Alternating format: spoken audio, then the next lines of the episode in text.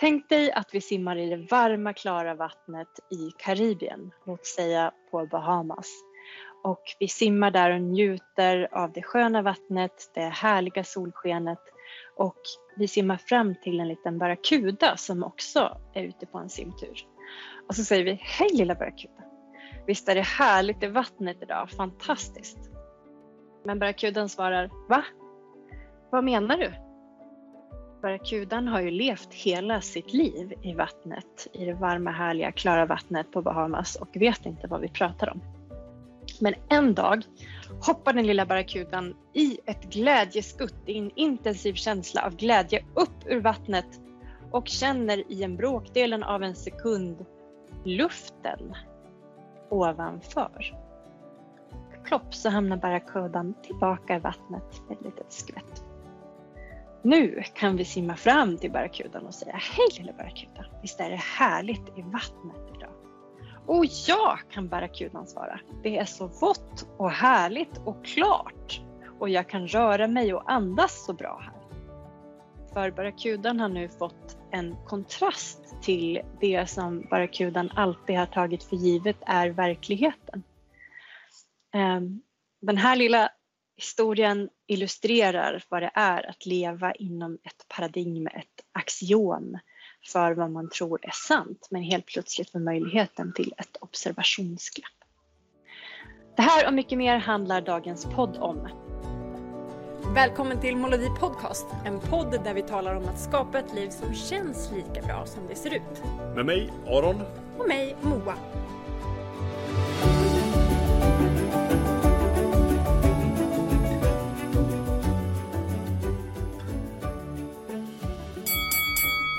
Faktaruta. När vi pratar om axiom så gör vi det i vardagliga termer. Och ett axiom är i vardagliga sammanhang ett självklart påstående vars sanningshalt inte kan betvivlas. Inom logik så är axiomen en grundsats i ett deduktivt system som inte kan bevisas inom ramen för systemet i fråga. Det betyder alltså att eh, så länge man befinner sig inom ramen för axiomet så har man ingen uppfattning om eh, axiomets vara eller icke vara. Och eh, det är som vi hörde i Moas ex, eh, ja, men, exempel här innan gingen. Eh, fisken visste inte att den var i vatten förrän den hade hoppat upp i luften och sett att vatten är någonting som finns överhuvudtaget. det var först när den kom utanför ramen som den faktiskt kunde skapa sig en uppfattning om vad den befann sig i. Det är ett axiom, hoppas ni hängde med. vi kommer snacka lite mer om det här i poddavsnittet. Vi rullar. Nu rullar vi. Vi har rullat. Volvo. Visste du det? Att Volvo betyder jag rullar på latin. Ja, jag tror det är det första liksom, latinska ordet de flesta barn får lära sig. I alla fall i vår generation. Volvo. Ja. Men visste du att det betydde det som barn? Ja. Jaha. Jaha. jaha. Bra intro. Du, du, skulle säga wow, jaha, jag har lärt mig något nytt, vad kul. Nej, ja, Okej, okay. jag lärde mig det igen för ett tag sedan. Jag kanske ja, visste det, det när okay. jag lärde mig igen. Mm. Mm. Och du blev helt mindblown. Jag blev helt mindblown, ja, precis. Och sen önskar jag att jag just nu, jag tänkte så här, hur, du skulle fråga mig så här, hur är det? Jo, det är bra. Jag, eh, jag eh, kanaliserar min inre Gwyneth Paltrow och sitter och dricker filtrerat vatten och en kopp grönt te. Mm. Och så försökte jag använda det som motivation för att ta en kopp grönt te istället för en kopp, tredje kopp kaffe. Ja, ja. Men jag tycker, idag var det en sån här dag jag behövde en till kopp kaffe och jag kommer på att kaffe är ju kaffe är ju kaffe. Men för mig så står kaffe för trygghet. Mm. Och att jag känner mig så trygg och omhållen. Eh, och att jag har tagit det där tillbaka till att våran pappa alltid har druckit kaffe. Ja. Och att vi hade så här fikastunder med honom när vi var små. Eh, när han alltid gjorde kokkaffe, kommer du ihåg det? Ja, ja, det var ju kokkaffe i många år. Ja, att han satt och spottade sump det sista i koppen. Ja, ja, det. är så... så det är som en pappakram att dricka kaffe. Ja, men det är Kanske det, det jag vill ha egentligen, men han är inte här så då får jag dricka en kopp kaffe till. Ja, precis. Och eh, det leder ju oss eh, o, osett in på dagens ämne mm. eh, som det egentligen alltid är i den här podden, att vi pratar om eh, konkreta företeelser i livet men också bryter ner lite grann beteendemässigt. Mm. Precis. Så ja, jag dricker kaffe, men varför? varför? Hur får det mig att känna mig? Ja, Eh, precis. Mm, mer, Bra. än bara, mer än bara koffeinexplosionen. mm, precis, Mm. den är ju härlig i sig. Första koppen kaffe är ju alltid eh, någonting i sitt eget slag. Ja, Du är Så också, är du är också en kaffejunkie. Du sätter ju på kaffe så att du ska känna lukten på morgonen när du Mm, vaknar. ja men precis. Men vad står det för för dig? Bara så här, har du tänkt på att det hänger ihop med något? Du tycker också att det är mysigt. Ja, absolut. Jag älskar ju doften av kaffe. Eh, så är det. Och Mm. nej, men absolut. Det är ju någonting. Ja, men det är ju ett så här vanebeteende också. Och så är det väl. Mm. Jag tror, jag tror att. Jag vet inte. Jag tror att eh, man har samma oavsett vilken, liksom vad man är beroende av tänkte jag säga. Jag snusade under väldigt många år. Det var lite samma sak. Det fanns Mm. någonting tryggt och mysigt med att eh, ta en snus liksom. Ja, är, det, är det inte bara det här liksom kemiska, att kroppen bara åh fy fan vad skönt. liksom. Ja, precis. Så kan det vara. Jag festsnusade nog mest när jag snusade. Ja, Så för mig var det så här, mer det här lite euforiska, ha roligt med kompisarna. Nu, Ja. nu händer det. Just den här förfestkänslan tror jag. Ja, ja. Innan man skulle gå ner på stan. Det roligaste var ett gäng, hänga Mm. och bara nu är man på väg ner på stan. Alla är så här sjukt peppade innan verkligheten. Och liksom så här, innan allting som vanligt. någon, Ja, blev inte lika kul, någon blev för full, eh, man träffade inte dem man ville, det var för hög musik. Så här, den där, innan allting det där händer. Förfesten i köket när alla är peppade och på. Liksom. Ja, och allt kan hända fortfarande. Det är det. Ja, precis. Men är inte det den lite känslan. det härliga med att också att i takt med att man blir- äldre så eh, har man ju mer långa förfester snarare än att gå ut. nu, nu stannar man ju vid det här Ja. som det fortsätter vara trevligt. Men jag tänker förfest, ja exakt. Men tänk, förfest är ju mer som typ nyårsafton. Det är ju Mm. liksom det här 10, Ja, nio, de där tio sekunderna, då är det så här helt vitt blad, Ja. nästa år kommer kunna bli helt annorlunda. Det är så här, hoppet just då är ju liksom så här i Sverige, eh, i den kognitiva liksom kollektiva sfären måste ju vara så här "Wah!" alla bara Ja, allt möjligt. Det- Det här året ska jag bli den jag vill vara och eh, göra allt det där som jag inte har gjort hittills. precis så. Och, och, och precis som nyårsafton och nu till kväll så blir det så här, när man väl kommer till den punkten, när det liksom eh, eh, ja, men, exploderar ut i, en, i ett fyrverkeri. Och sen är det slut. Ja, ja. Som en för tidig utlösning. Ja, men precis. Det är så livet är. Det är så livet är. I, i, i förfest och nyår. Men jag tänker att det, det vi pratar Ja, om men här, ska vi, ska vi gå och handla då? Ja. Nej, men jag tänker att det vi vill också prata om det är väl också så här att ha lite mer stamina och uthållighet och att ha lite mer tantrasex med livet. Ja, ja, precis. Och jag tänker att, ja, härligt intro till dagens ämne. Ja, ja, Men ja. jag tänker att det vi ska prata om är ju det här, tänker att det är något som jag lagt märke till på senaste, det är att många blir eh, ja, jag märkte att det finns också så en sorg och ledsenhet och lite panik i att lägga märke till hur bra man har ekonomiskt ställt. Mm. När man får det svart på vitt. Så här, så här bra ställt har du det. Mm. Och att det är en lika stor rädsla inför att märka att man har en dålig ekonomi som att märka att vilken jävligt bra ekonomi man har. Att det kan Ja. vara lika chockande. Det är liksom så här i hur vi pratar om det så är det ju bra att ha mycket pengar och dåligt att ha för lite pengar. Eh, Det får ju bara, det får bara olika konsekvenser. Men jag tänker att jag ser på det mer neutralt. Mm. Att få saker svart på vitt. Det här är ju något som du brukar trycka på. Så här, vad säger du? Så här, att, att det är svårt att agera mot bättre vetande. Mm. Precis. Att när man får syn på hur det verkligen är så gör det att man behöver göra saker på ett annat sätt än vad man kanske har gjort hittills. Får man syn på någonting som man kan förändra och som man bör förändra, Ja, då, då ja. kommer det vara jobbigt att inte göra det. Ja, jag tänker det är väl bra. Det är jobbigt ofta att få syn Mm. på saker men det, kan ju, det är ju någonting bra tänker jag. Att Ja. det är lite inbyggt i beteendet. Eller hur? Ja, men- att man ja. vill göra förändringar när man ser att det är möjligt eller att man borde göra det. Eller? Ja, ja men det, absolut, Ja, definitivt. Och det där är ju, alltså, det, det, som du säger, pengar är ju en förstärkare. Både, åt Mm. båda håll är det verkligen Mm. så, den här känslan. Men det gäller ju också eh, med livssituation och mående i övrigt. Alltså ibland Mm. kan det bli en sån där att, ja men jäklar vilka, vilka förutsättningar jag har för att bygga precis, det liv jag precis jag vill ha. Jag har, Mm. en, en, jag har en trygg social sfär omkring mig, jag har en bra Mm. relation till, ja, när det gäller livsförändringar. Jag har alla förutsättningar för att göra livsförändringar med en bra Ja, support man har inga ursäkter kvar. Nej, och då, då kan det vara jobbigt. Fan, om jag, om jag verkligen tillåter mig själv att titta och tänka på det, då, Ja, uff, då måste jag göra någonting. gör någonting åt det, ja. Precis. Ja. Eh, Det finns det en kan ju vara utmanande. Det, i, I populär en kulturell referens eh, så, så finns det ett Family Guy avsnitt där Mm. de driver lite med det här när, när det blir 9-11 och så hittar de inte Bush någonstans och då gömmer han sig i en trädkoja på någon du vet, pojkes gård. Och så säger de, men Mr President, du måste komma ner och, och ta hand om det här liksom. Och då sticker han bara upp huvudet över kanten och säger Don't make me do stuff. Säger han.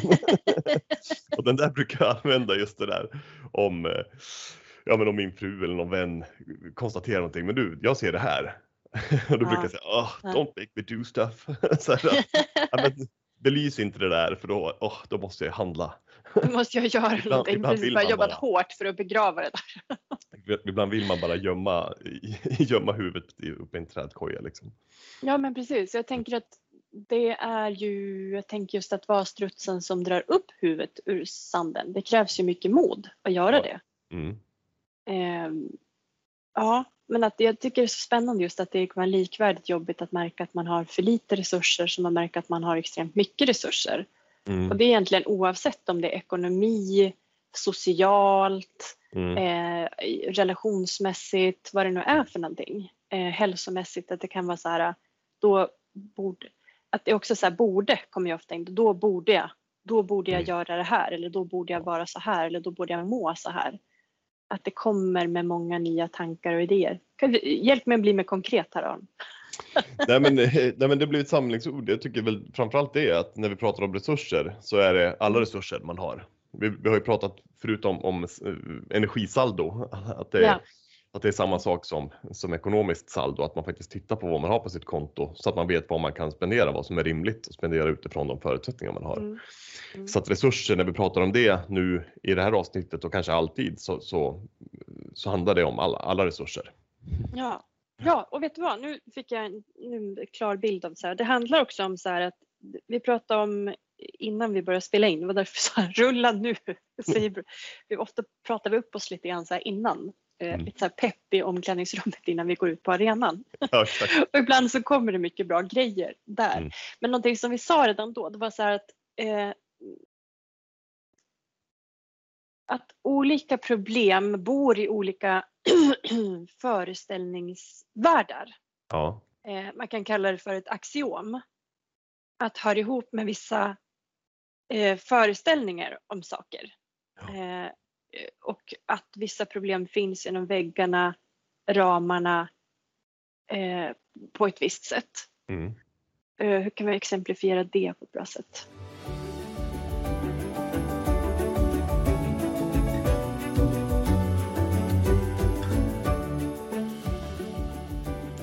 Spelregler. Ja men, ja, men exakt, att du tänker så här, eh, eh, Fia med knuff, Mm. tydliga regler. Man spelar Mm. bara med sina egna pjäser. Mm. Eh, man får, slår man en sexa får man gå slå igen. Man får knuffa ut andra spelares spelpjäser. Eh, först in i boet med alla pjäser vinner. Det finns Mm. ganska givet sätt av regler. Mm. Och när man får ett problem på spelplanen så måste man ju lösa det inom spelets regler. Mm. Eh, så här, om man inte har några marker ute eh, på spelplanen då kan man ju inte avancera. Då måste man slå en etta eller sexa för att flytta ut en Nej. spelpjäs. Mm. Eh, och då måste man lösa det inom det axiomet. Och jag tänker att vi, att vi tänker i samma termer. Och det är i livet. Att det Mm. finns vissa givna regler. Och jag tycker det är så intressant när de där spricker. de där bubblorna liksom, eh, av liksom axiom. Eh, och jag tänker att det kanske är det som händer i de där situationerna när man får reda på att man har mycket bättre ställt än vad man tror att man har. Det här kommer Mm. från en workshop som jag hade med Jan Bolmesson på eh, Rika Tillsammans här i helgen. Jättespännande workshop som vi kallar för livsplans kickoff där vi tittar Mm. på både ekonomisk situation men också grundar eh, workshopdeltagarna i deras personliga kompass, vilka de är, vad som är viktigt och hur de vill ta sig framåt. Mm. Eh, och det blir ju att man kan spela spelet på ett helt annat sätt. Mm. Att man eh, faller offer för de här fejkmålen, någon som jag borde göra så här Mm. eh, i mycket mindre utsträckning. Att man kan agera mycket mer i linje med den man är och vad som är viktigt för en. Mm. Eh, och att man kan avancera mer i sitt eget spel och att man sätter reglerna eh, och principerna eh, för sina spelregler. Principer kommer vi prata mer om längre fram, det är på agendan också. Mm. För att spela ett så bra spel som möjligt utifrån det spelet jag vill spela. Mm. Så det är en jättespännande workshop och då tar jag med mig det att det kan vara lika att då få det svart på vitt vem man är, vad som är viktigt och att, att också börja leva sitt liv och spela spelet livet på sina egna villkor i större utsträckning och Mm. också få bra koll på sin egen ekonomi så man kan använda det som en resurs, som en hävstång i det livet man vill leva. Ja, just det. Att det liksom kan vara en chock för många och det är ju tredje gången vi håller den här workshopen och det är varje gång det har hänt att det är någon som blir så här eh, liksom upprörd. Att det liksom man märker att men här blir det liksom det här metahoppet, att man har spelat spelet, eh, hur man inreder sitt hus, vad man lägger pengarna på för semester utifrån tankarna om att man hade en viss summa att utgå ifrån. Ja. Och sen märker man att verkligheten har varit och är en annan, att man har mycket mer resurser. Mm. Både kanske ekonomiskt men också att man eh, kan spela spelet, jag tänker som en deltagare som kom på att men gud hon kunde kombinera liksom både sina intressen för liksom måleri och konst och eh, sin gebit inom liksom, eh, vad hon är duktig på eh, Mm. och jobba med branding med företag. Och att göra båda de sakerna samtidigt och resa. Så hon fick liksom till liksom konst, sitt företag och resande i ett enda svep. Hur kunde hon göra alla tre samtidigt istället för i oli- tre olika matcher? Ja, Liksom. ja, absolut. Ja, ja. Eh, och då blir det ett helt annat spel. Att man har en mycket större påverkan på reglerna än vad man tillåter sig att tro ibland. Ja, och det blir ofta, det här metahoppet som initialt kan röra upp en del känslor men som i långa loppet är bra. Att man får en nyktrare syn på vilket spel man spelar eller vilket spel man vill spela. Mm. Eh, ja. Och för att exemplifiera det axiomtänket att man utgår ifrån att det finns vissa regler. Så tänker jag bara så här från min eh, vardag nu. Att jag, vi hållit på att rodda hem, om här hemma och alla har bytt rum med varann och så i det så sa jag till eh, min man så här Gud, vi måste ha en till bokhylla i vardagsrummet för att liksom bara organisera upp alla grejer och få plats med allting där. Mm. Hur ska vi göra det? Och jag har liksom googlat runt och kollat på massa olika hyllor som jag tänker skulle passa och lagt ganska mycket energi på det. Liksom så här, hur ska vi hitta det bästa systemet? Mm. Och så säger han så här. Men det är ju fel från början Moa, vi ska inte ha så här mycket saker så vi måste ha en hylla till. Just det. Det är verkligen bara så här vända brickan. Eh, Ja okej. precis. Det känns som en, så här, en slag i bakhuvudet. Bara, Va? Men här har jag ju ansträngt mig jättemycket och investerat massa tid och tankekraft och gjort Pinterest-tavlor och googlat runt och kollat på Marketplace och så här Blocket. Och så säger du att själva tankesättet att hitta en ny hylla är fel överhuvudtaget. Bara, vi borde göra oss av med mer saker. Men det där är intressant för det där är ju precis som att springa runt och bara behandla symptom och behandla symptom och behandla symptom. Ja, ja. Istället för att säga, men det här är ju orsaken till symptomen. Ja, ska vi inte bara exakt. förändra? Ska vi inte sätta in våra åtgärder där istället? Ja men exakt. Och så initialt så blir jag ju så irriterad och bara nej, Så enkelt må kan det- inte vara. Så kan det inte vara. Och också att jag vet att det ofta innebär att det är jag som måste rensa bland mina saker. Så här, eh, och bara, åh, jag har en tendens att samla på mig saker. Eh, och så vad vet jag att han har rätt. Mm. Bara, nu måste jag få vara lite upprörd ett tag. Jag återkommer. Och så måste jag gå och tänka på det och så bara, men han har ju rätt. Ja, Och så kan jag bli irriterad över att han ser saker ur ett så annorlunda perspektiv än mig. Men jag tycker också att det är det mest fantastiska det är inte det mest fantastiska, men det är en av de fantastiska sakerna med vår relation, att vi tänker väldigt olika. Ja. Eh, och att där stack han ju hål på den här bubblan jag försökte bara lösa. Precis som du säger, jag försökte lösa symptomet liksom. Mm. Och han tittar på orsaken och så kan vi göra någonting åt orsaken? Ja, Mm. och då är jag i princip ganska lätt egentligen och tycker det är ganska härligt att organisera och släppa taket, sak, taget, saket om tager. Saker som taget. Ta, saket, nej, nu, säg, säg vad jag om tänkte saker. säga. Tack. Släppa, taget om saker. Ja. Precis. Mm. Och Nej, då men- har jag liksom en struktur för det. Då är det, så här, då är det lätt för mig. När bara jag får hjälp med det där, då är det lätt att hitta så här, eh, spara, arkivera, eh, skänka vidare, Mm. sälja. Mm. Spara, arkivera, skicka vidare, sälja. Men det, det som är intressant med alla, med hela den där biten med Mm. när man kommer på saker att oj, ja men det är så här jag eh, vill göra för att det ska gå i linje med vad jag tycker är viktigt och hur jag vill ha det. Jag tycker att det är, vi- kommer in på det snart, med lite just struktur eller princip och sådär. Alltså att, att hitta en, någon typ av systematik i det som är viktigt för en, för annars faller det lätt i glömska. Ehm, Ja, till, till exempel en sån sak som du beskriver nu med, med hemmet.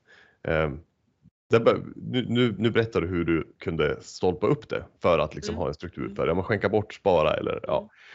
Och att man behåller den typen av inställning eh, även framöver så att det inte blir liksom en punktinsats var tredje år att vad fan nu är vi här igen. nu har jag Mm. köpt två nya bokhyllor igen. Istället för att fortsätta arbeta på, ja men behöver jag alla de här sakerna? Nej, det behöver jag inte. Då behöver jag hitta en struktur eller en princip för att det inte Mm. ska bli så igen. Jag tänker också bara på men här detaljgrej. Ehm, Jag hade det som exempel när vi snackade häromdagen just med ehm, eh, att man behöver hålla, ehm, hålla det fräscht i minnet. Och det Ja. för, att, för att kunna fortsätta handla ut efter det. Tänker på, för några år sedan såg jag någon sån där, eller för några, flera år sedan såg jag en dokumentär om kycklingindustrin och då tänker man shit, det är så här det ser ut även i Sverige. Jag kan inte fortsätta äta kyckling eh, för jag kan inte riktigt stå för att, eh, för att djur behandlas på det här sättet. Och sen går det två veckor och så har man liksom börjat skuffa undan det där för att det, ja, det, är jobbigt att tänka på. Så börjar man käka kyckling igen. Eh, och att då hitta en princip, okej, men om jag faktiskt har konstaterat för mig själv att jag kan inte riktigt stå bakom den här typen av industri med djur. Eh, nej, men då behöver jag hitta en, en, eh, en princip för det. Och för mig blev det enkelt då att börja, ja, men jag käkar vegetariskt, då behöver jag inte tänka på det. Sen är det paradoxalt för då kan man också titta på så här, okej, nu äter jag massa sojabönor, vart kommer de ifrån, hur odlas de, under vilka förutsättningar och så vidare. Men det är ju, det är ju en helt annan världsdel så det, det påverkar ju inte mig lika mycket. Nej, men, nej, men det blir så lätt att skjuta ifrån sig, men eh, så, så man står ju inför det oavsett. Men just det här att hitta då en, en, en princip Mm. för att antingen så måste jag fortsätta vara väldigt påläst om djurindustrin och titta vilka har schyssta förutsättningar för liv och slakt av fåglar. Vilka producenter är det som har det? Vart hittar jag den maten? Eh, och då kan det vara lättare istället för att hela tiden, om man inte tycker att det är värt att hålla huvudet hela tiden och fortsätta jobba med systematiskt, då kanske det är enklare att ha principen jag äter inte kyckling. Ehm, så just det här att man behöver titta på det som är viktigt för en ofta. Apropå det som vi pratade om kompassen. Kompassen behöver man titta på ofta för att komma dit man vill. Tittar man bara kompassen när man, ja nu ska jag gå 12 mil eh, sydväst. Och så tittar man på kompassen en gång, sen går man 12 mil och så tittar man, kom jag dit jag ville? Ganska stor risk att man har gått snett någonstans. Men så man börjar titta på det som är viktigt för en ofta för att fortsätta handla i linje med det. Och det är ju två bra saker där, det är ju antingen struktur, en systematik i det, eller principer för att förenkla. Principer är väl just jag. Men jag, jag vill bara säga där också så här, ibland så tänker jag att folk kommer till mig och säger så här, "Ja, men nu har jag liksom trillat av hästen eller trillat av vagnen eller vad man har för metafor för det. Så här, nu är jag ur synk eller nu är jag ur integritet. Så här, Hjälp, nu gjorde jag fel, dumma mig. och så tänker jag att det inte är så. Jag tänker att i de där glappen när man trillar av liksom sina principer, att man frångår sina principer men kommer på igen att det är de man vill ha Mm. som du gjorde nu med kyckling och äter kyckling Mm. ett tag och så kommer du på igen, shit det här är ju emot egentligen mitt, eh, eh, vad heter det, värderingar. Liksom, Mm. Vad jag vill stå för och vad jag vill att mitt beteende ska verka till, liksom, Mm. påverka. Eh, då kan man ju välja igen Och jag Mm. tänker att det är inte hela världen. Jag tänker också att det är så bra för att få återkomma. Och är det, har man valt samma princip, jag äter vegetariskt, Mm. flera gånger, då vet man ju också att det här är viktigt för mig, på riktigt. Mm. Mm. Och jag tänker att det är i det där glappet som den egna viljan finns och Mm. lever. Mm. Och att det är då man kan, på engelska heter det reinfirm, vad är det på svenska? Återinföra. Ja, Nej, men, nej men det är så bra ord på engelska, men att, att liksom återknyta till vad som verkligen är viktigt. ja. Så ibland kan det vara bara vik- viktigt att få göra det igen och igen. Mm. Liksom. Ja men absolut. Och det, Mm. det är väl just det där att man ser som det är nästan som att man ser även de minsta sakerna i livet som en typ elitsatsning på en idrott. Så här, Nej, men jag har ju försökt att slå mig in i, i eh, volleybolleliten och jag har ju misslyckats. Jag har nog inte vad som krävs. Nu Mm. lägger jag ner det här. Fast det i själva verket handlar om ah, jag hade ju tänkt att jag skulle träna två gånger i veckan, men nu har jag inte gjort det på tre veckor, så nu skiter jag i det resten av livet. Ja, Jag menar, det är, ju- orimligt. Liksom, det, Ja. Där kan man ha, ha den här lilla sådär, tankegrejen att det finns inget då, det finns inget sen, det finns bara nya nu. Ja. För det, det avdramatiserar också det här. Okej, nej men nu har jag inte gjort det jag hade tänkt de senaste fyra veckorna. Men då är det bara att börja Nej, igen. Det behöver inte Ja. vara en sån, man behöver inte bli sån drama queen över sina saker i livet. Precis. Ja. Och jag tänker bara så fler exempel på principer som underlättar. För hjärnan tycker ju om snabba antaganden. Det sparar energi. Och att också så här, titta över vilka principer man har i livet och att gå på dem och sen kan man alltid revidera dem. Det kan man ju göra liksom i en eh, överenskommen audit, liksom, översyn med sig själv. Mm. Eller med sin partner eller med någon annan nära. Ehm, och jag tänker att eh, principer som, jag har en ny princip att jag beställer alla torrvaror från Matsmart. Mm. Som är, man kan ha, i alla fall i Stockholm, som räddar saker som skulle gå till spillo annars. Det är bättre priser och eh, ja, man tar hand om den maten som annars skulle gå till spillo. Liksom. Ja.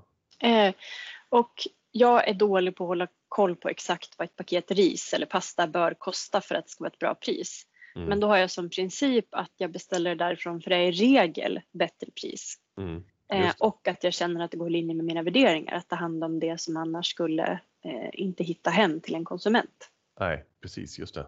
Plus, eh, plusset igen då, tredje plusset är att jag får det hemkört till dörren Mm. när man beställer över en viss summa. Så det är ju fantastiskt. Så jag beställer liksom alla torrvaror med jämna mellanrum och så vet jag att jag har eh, ris, pasta, konserver och sådana saker hemma.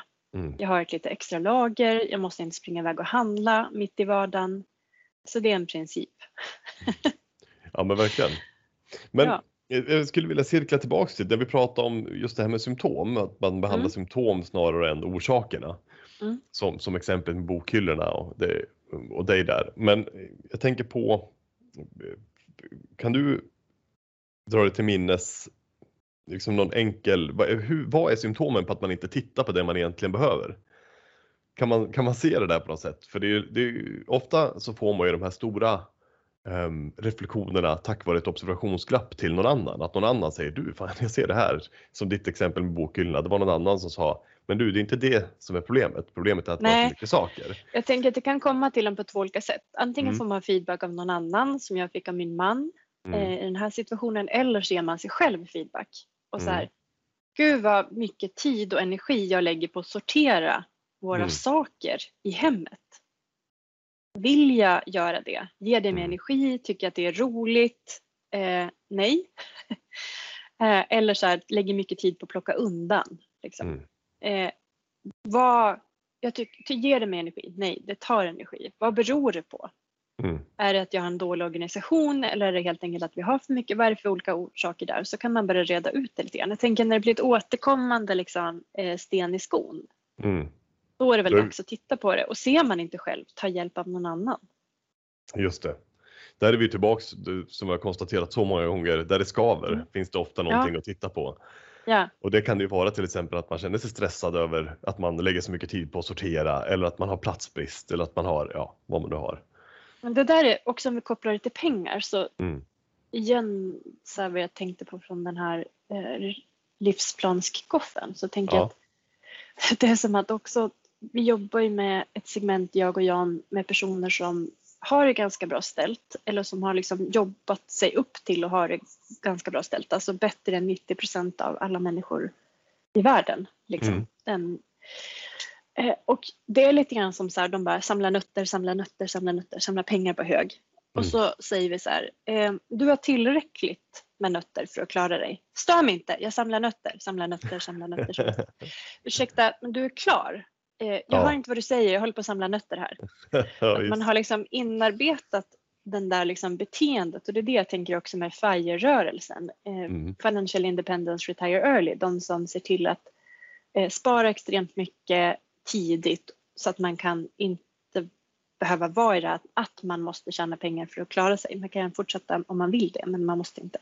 Att det blir också, jag tänker att det som kommer bli deras utmaning sen, som jag absolut ser med alla som jag träffat de senaste tio åren, det är att det blir nästa utmaning att man har skapat ett beteende där man är otroligt samlingsbenägen, att man samlar de här nötterna på hög och att man också ser, tittar på hur kan man kapa sina utgifter och deras uppgift blir då att lära sig spendera pengar på det som verkligen är viktigt Ja, just det.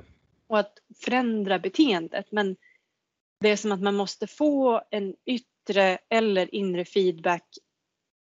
Det är många som bara fortsätter lägga på hög. Mm. Och skillnaden blir om man dör liksom med, med du vet, 30 miljoner eller 45 eller 30 miljoner eller 60 miljoner Mm. på kontot. Och det är frågan om det gör en så mycket lyckligare. Någon gång måste man svänga om, att vara Mm. medveten om det redan innan och att det brukar ge de personerna ofta så en omvänd budgetuppgift. Så. Mm. så är det viktigt för dig att spendera tid i naturen ute med vänner. Så här. Men då har du en budget på 5 000 varje månad som du ska göra slut på. Mm. När du gör det du tycker om att göra. Och har Mm. du inte gjort det, då har du inte gjort det du ska med din budget. Och det är lika liksom, inom situationstecken allvarligt Mm. som att du inte har sparat det du ska Just eller det. liksom nallat av din budget. Liksom, Mm. Som du har sett eh, tagit det på allvar tidigare. Nu ska du försöka spendera mer i linje eller ta hand om dig själv. Det har varit så tabu i mitt liv. Att jag fick uppgiften med en av mina coacher så här. Nu ska du boka en ögonbrynsbehandling eller gå och göra dina naglar och bara ta hand om dig själv och ha den här budgeten varje månad. Tänkte, "Alltså, det är väl lätt och så jag tiden och så ju närmare den här tiden kom bara, åh jag behöver nog kanske ta ett jobbmöte då eller Mm. så hade jag så här, på riktigt lite så här obehag och ångest när jag skulle gå dit och kände mig så här förlåt, förlåt att jag är här. Eh, det var, väckte så otroligt mycket. Det var right on target liksom för mig. Att så här, mitt i prick, att verkligen att unna med det och, och ta hand om mig själv eller låta andra ta hand om mig. För jag hamnat, apropå det där att samla nötter i samma riktning, att jag jobbar med att stödja och hjälpa andra och lyssna på andra och ta hand om andras behov. Är liksom, tycker att det är lätt att ge, för jag Ja. tränar på det så mycket. Just Och sen så bara att ta emot, att det är ju en förutsättning för att kunna ge. Men Mm. det är jag sämre på. Ja. Så det har varit hård träning för mig. Liksom. Mm. Tillbaka till din fråga. Hur vet man att man ägnar sig åt att lösa symptom och inte problem? Ja, eller vad är symptomen på att man inte tittar på det man egentligen behöver? Vad är symptomen på att man har symptom?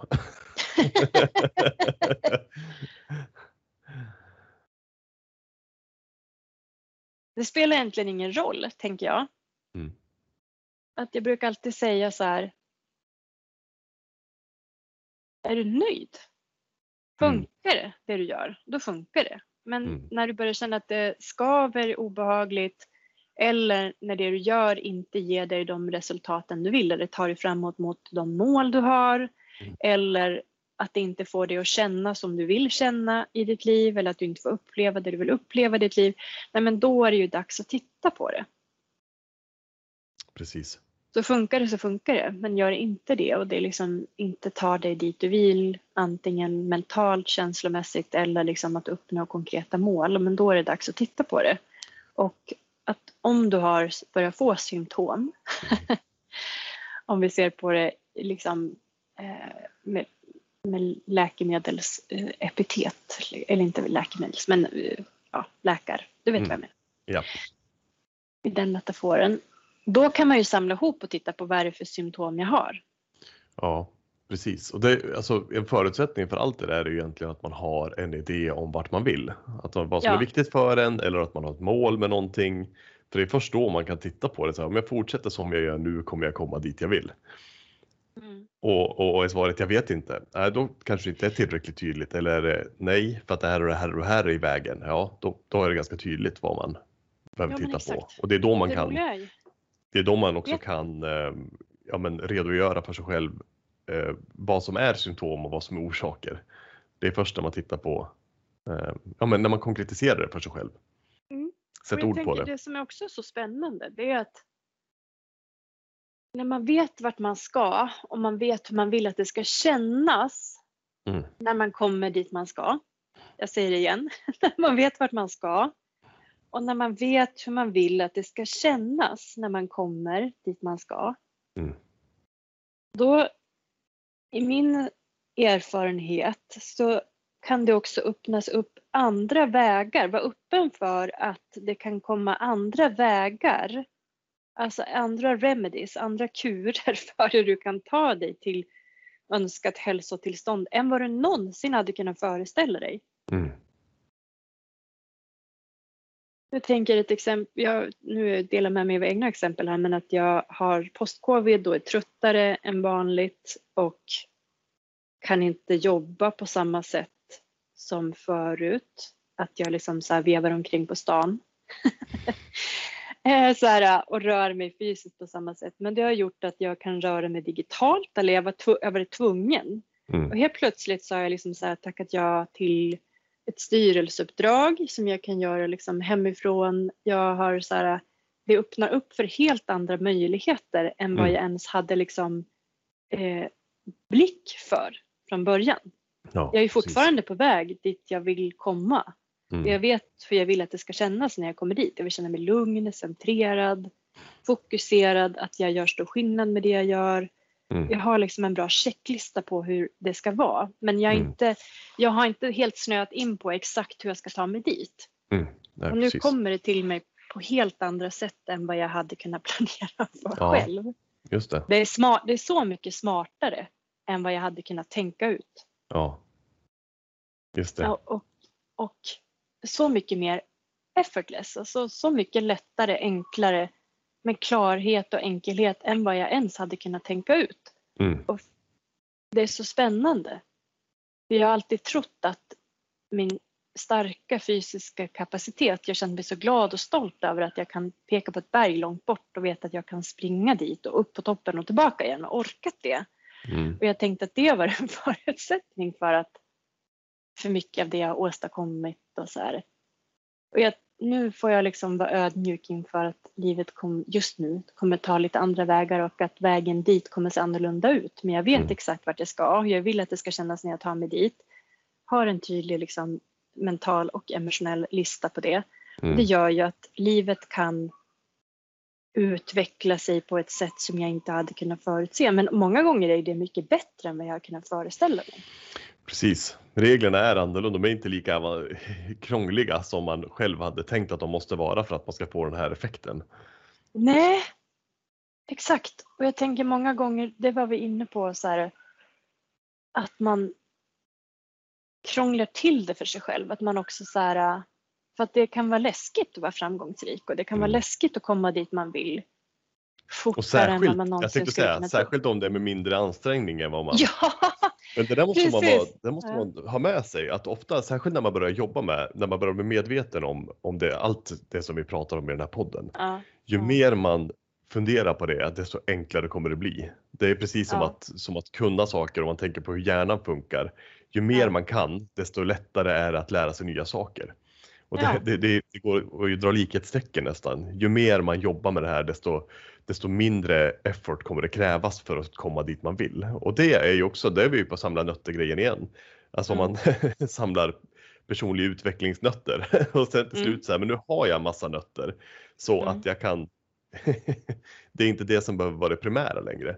Jag kan faktiskt njuta av annat. Men, Men vet du vad som är grejen har varit där för mig? Det är också så här att när du säger det med personlig utveckling och liksom plocka nötter och eh, för de som har lyssnat på podden ett tag så har ni hört att både jag och Aron vuxit upp, som vi är syskon, vuxit upp i en familj där personlig utveckling har varit liksom en del av modersmjölken och att det kanske från början, jag vet inte hur det var för dig, men jag skämdes ju över att våra föräldrar mediterade så när jag var åtta, tio Ja, år och skulle gå till skolan. Man bara, vad-. Ja, precis. Var så himla, och vi var vegetarianer de enda på skolan. Och liksom, ja. Så att jag tänkte vi har fått mycket med oss av det och sen så fick jag frågan liksom för några år sedan så här, vad gör du nu? Vad är det för planer i din egen personliga utveckling? Jag tycker att jag har gått så otroligt mycket kurser. Och då har ju en av mina personliga utvecklingspunkter som jag har delat med mig av idag det är ju att så här, typ gå och ta en behandling Mm. har varit det som har varit otroligt personligt utvecklande att träna på att ta emot och ta hand om mig själv och att Mm. lägga resurser och tid på att ta emot från andra. Liksom, Mm. så här. Eller gå till min osteopat och liksom få hjälp med olika saker eller så här, gå och ta en fotbehandling. Att det har varit så här en jättestor stretch och liksom för att jag har Ja, så att det kan vara så olika saker. Att det var liksom mitt tänkande så här, personlig utveckling, då går man på en kurs och så träffar man någon som leder en genom en process. Och Ja. att min, så här, min idé om vad personlig utveckling var, var begränsad. Ja. Och nu hittat personer som utmanar mig på alla fronter i mitt liv på, på helt andra sätt, men kanske precis det jag behöver träna. ja, just det. Ehm, så. Ja, nej, det är jätteintressant. Vi, vi skulle kunna Mm. prata hur länge som helst om det här och hitta ännu fler exempel och, och liksom grena oss ut i fingerspetsarna. Eh, Mm. Men jag tror att vi lämnar det där idag. Eh, Det finns eh, många fler poddar som rör de här ämnena. Mm. Ehm, Vi, eh, eh, ja, men vi, vi har ju fått in, vi får ju löpande in en massa eh, idéer, vi får eh, lyssnarfrågor eh, skickade till oss och det är jättekul. Det ligger också till grund till en del för de ämnena vi tar upp. Men eh, uppmuntra nu också alla att eh, skicka in om det finns någonting. Eh, vi har ju pratat om ganska mycket nu i snart två säsonger, eller en och en halv i alla fall. Och eh, ja, men skicka in om det är någonting som jag tänker så här, ah, men det där skulle jag vilja höra mer om. Eller eh, så som, det försvinner lite grann när du jobbar med folk eh, med klienter face to face eller i envägs, eller ja, ehm, face to face eller ear to ear. Då är det lättare att säga, men du, fan, kan du utveckla det där lite grann? Eller hur sitter det Mm. ihop i relation till det och det? Och det vet Ja. att många har de funderingarna. Så skicka gärna in om ni har några sådana fördjupningsfrågor. För det är Mm. jättekul. Det gör också att vi kan anpassa innehållet ännu bättre, att det blir mer konkreta. Ja, för er som lyssnar, absolut. Yes, så skicka ett, eh, skicka ett DM på Insta, eh, där är studio morodi. Eller skicka till dig på moa.morodi.se. Mm. Kan man göra. Så kan man-. Kolla in Patreon på patreon.com molodi. Där finns det ju eh, eftersnack till många eh, avsnitt och det finns även en del worksheets. Just det här att eh, jag menar, ta det, ta insikten till handling. är ju lite Mm. fokuset där. Att faktiskt göra något konkret av de funderingarna man får när man lyssnar. Och för er som inte har hört eftersnacken hittills så är det typ att vi går ut i omklädningsrummet igen. Vi tycker att vi spelar match när vi pratar Ja. podd. Så fördjupa lite, analysera lite, lite eh, annat typ av snack men ändå förlängning av podden. Precis så är det. Mm. Ja, vad härligt. Men tack för idag. Vi hörs igen om Yes. eh, någon vecka. Perfekt. Hej då! Ciao!